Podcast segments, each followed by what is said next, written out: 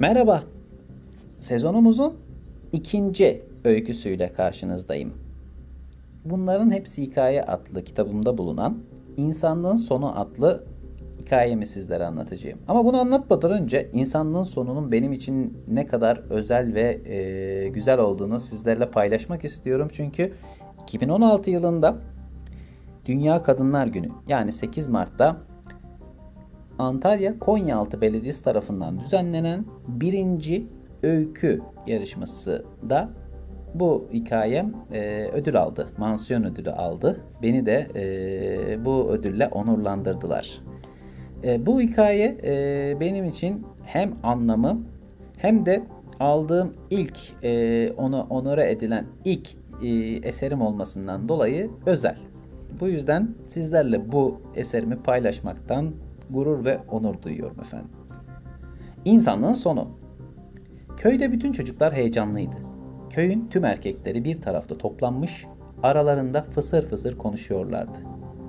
Sanki tüm kaderleri o yaşlı karı kocaya kalmıştı. Bu sefer ben halledeceğim diyerek içeri giren adam kan ter içinde çıkıyordu. Ama inanılmaz bitkin ve mutsuzdu. Köy halkı anlamıştı. O ağlamanın sahibi erkekti. Koca Rıza yine bir erkek çocuğu sahibi olmuştu. Köy aldı mı yeni umutsuzluk dalgası? Ağlayanları görmeliydiniz. Sizin bile içiniz acırdı. Köyün en bilge erkeği sadece yüksek lisans yapmış bir gençti. Ama kaderin elindeki koca Rıza'nın kafasına hiçbir şey girmiyordu.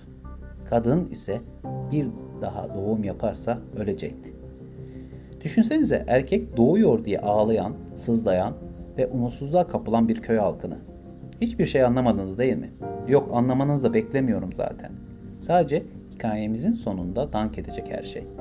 O zamana kadar da sizi meraklandırıp soluksuz finale götürmek olmalıdır görevim. Kadın son 15 yılda aralıksız erken doğumlar hariç 20 evlat dünyaya getirdi. Ne takati ne de başka bir şeyi kaldı. Kocası Rıza olay olmadan önce kalan bir erkek evlat ve arkasına eklenmiş 20 erkek evlat daha. Sadece Rızaların nüfusu 23'tü. Köyde bunların dışında sadece 5 erkek daha vardı. Biri o yüksek öğrenim görmüş Murat, diğerleri çiftçi olan 4 kişi. Aslında son 15 yılda ölen 40 erkek ve 4 kadını saymıyoruz. Hani 4 kadın daha varmış diye sormayın. Çünkü hiçbiri doğurgan değildi. Denediler belki doğurur diye ama 60'ında kim anne olmuş ki? Rıza'nın avradı da adı Havva yenge 50'sine geldi. Bu zamana kadar 20 çocuk doğurması bile mucizeydi. Düşünün olayda kaybettiği 8 evlat dahil hayatı boyunca tam 29 doğum yapan bir kadından bahsediyoruz. Koca Rıza kendine mi sövsün, avradına mı bilemedi. Bilge Murat ise artık sonumuz geldi ağlar derken herkes de omuzlar düşmüştü.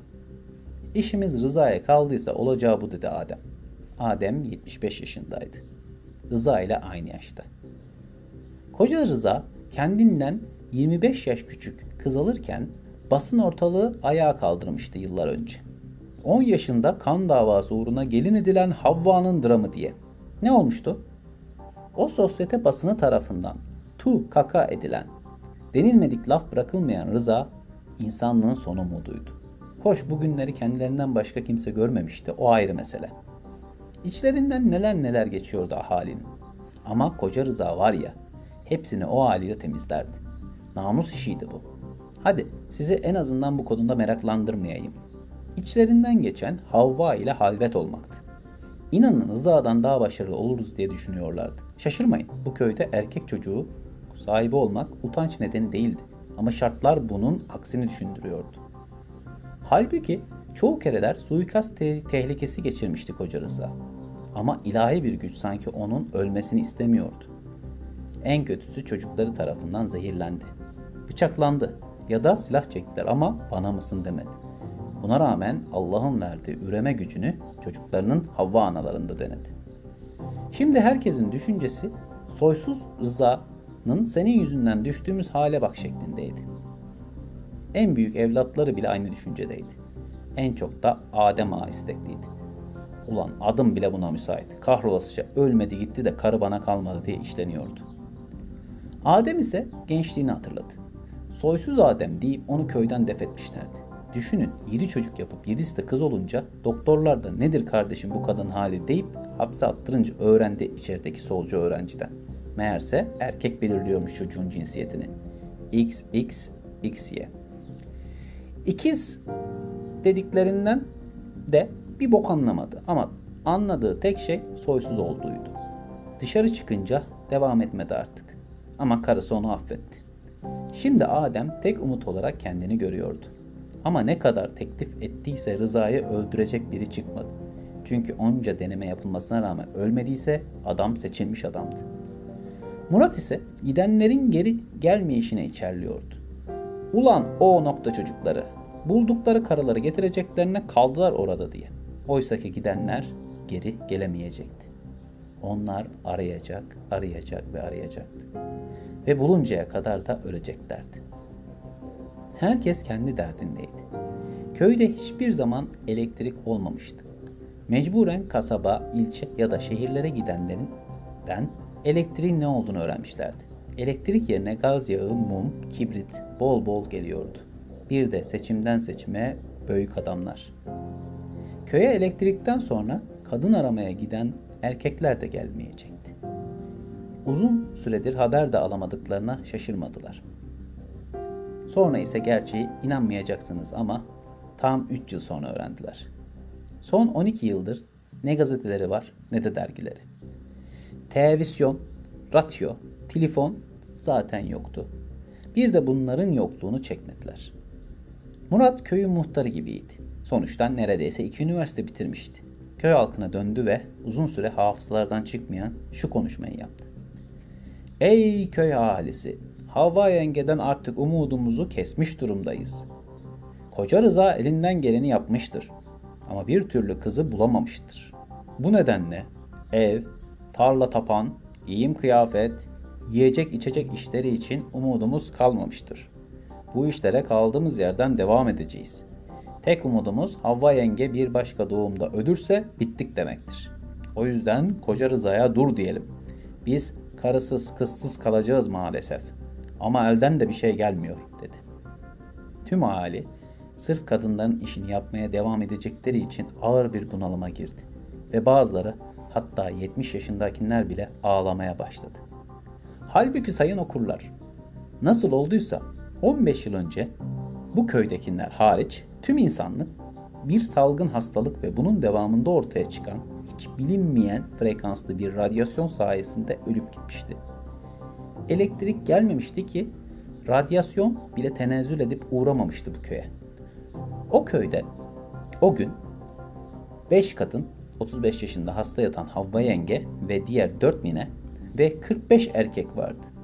45'i de kahvede oyun oynuyordu. Kadınların, kızların hepsi komşu köylere tarlaya ırgat olarak gönderilmişti. Bu kıyamet sadece bu köyü teğet geçmişti.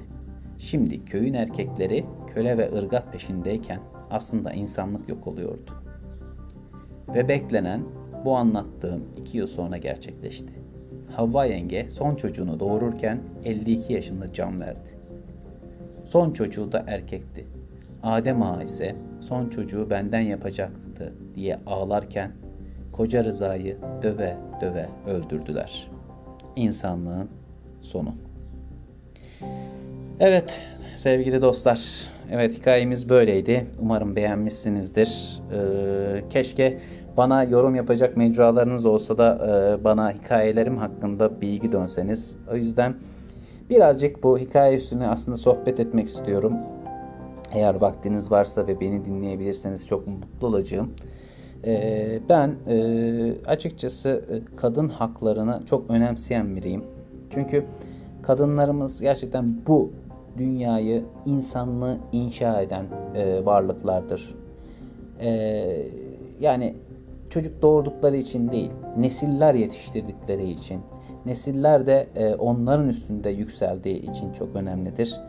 Bugüne kadar ben e, tarihçilerden olsun ve diğer e, şeylerden e, kaynaklardan e, aldığım bilgilerden dolayı kadınların kızların e, ya da işte ana erkil topluma e, birazcık daha yönelen ya da karısına, kızına, kadınına çok büyük e, değer veren toplumların e, o medeniyetleri yükselttiklerine, e, o medeniyetleri çok iyi bir şekilde inşa ettiklerine, insanlığı geliştirdiklerine e, şahit oldum.